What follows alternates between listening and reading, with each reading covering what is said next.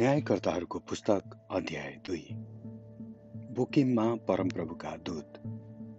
परमप्रभुका दूत गिलगालबाट बोकिङमा उक्लेर गए र भने मैले तिमीहरूलाई मिश्र देशबाट लिएर आएँ र मैले तिमीहरूका पिता पुर्खाहरूलाई दिन्छु भनी शपथ खाएको यस देशमा ल्याइ पुरे। मैले भने जुन करार मैले तिमीहरूसँग गरेको थिएँ त्यो कहिल्यै भङ्ग गर्ने छैन। तिमीहरूले पनि यस देशका बासिन्दाहरूसँग करार नबाँध्नु। तिमीहरूले उनीहरूका वेदीहरू भत्काइदिनु। तर तिमीहरूले मेरो आज्ञा पालन गरेनौ। हेर तिमीहरूले यो के गर्यो? यसैले म भन्दछु। म उनीहरूलाई तिमीहरूका सामुन्यबाट धपाउने छैन। उनीहरू तिमीहरूका लागि काँडा र उनीहरूका देवताहरू तिमीहरूका निम्ति पासो बन्नेछन् जब परमप्रभुका दूतले यी कुरा इजरायलीहरूलाई भने तब तिनीहरू सबै रोए र विलाप गरे। यसैले त्यस ठाउँको नाउँ बोकिम राखियो। त्यहाँ तिनीहरूले परमप्रभुको निम्ति बलिदान चढाए। यहुसुको मृत्यु। यहुसुले इजरायलीहरूलाई विदा गरेपछि तिनीहरू हरेक त्यस देशमा आफ्नो भागमा परेको जग्गा ओगट्नलाई गए। यहोसु जीवित रहन्जेल र तिनका पछिका धर्मगुरुहरू बाँचुन्जेल जसले परमप्रभुले इजरायलको निम्ति गर्नुभएका जम्मै ठुला ठुला कामहरू देखेका थिए। इजरायली जातिले परमप्रभुको सेवा गर्दै रहे। नुनका छोरा यहोसु परमप्रभुका दास एक सय दस वर्षको उमेरमा मरे। र तिनीहरूले तिनलाई घाँसका डाँडाको उत्तरपट्टि इफ्राइमको पहाडी देशमा भएको निम्न हरिसमा तिनकै निज अधिकारका भागको सिमानाभित्रै गाडे। त्यस जम्मै पुस्ताका सबैजना आफ्ना पिता पुर्खाहरूसँग मिले।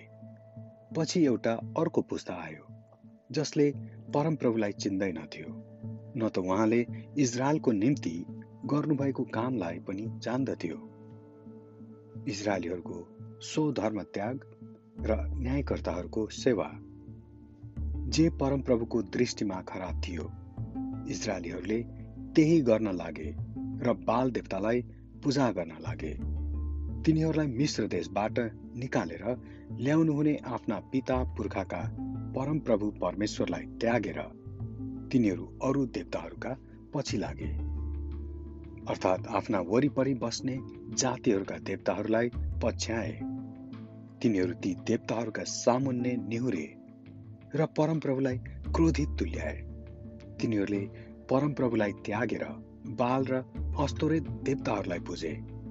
परमप्रभुले आफ्नो क्रोधमा तिनीहरूलाई डाकु र लुट्नेहरूका शिकार तुल्याउनु भयो उहाँले तिनीहरूलाई तिनीहरूका वरिपरिका शत्रुहरूका हातमा बेचिदिनु भयो र तिनीहरू आफ्ना शत्रुहरूका सामुन्य टिक्न सकेनन्।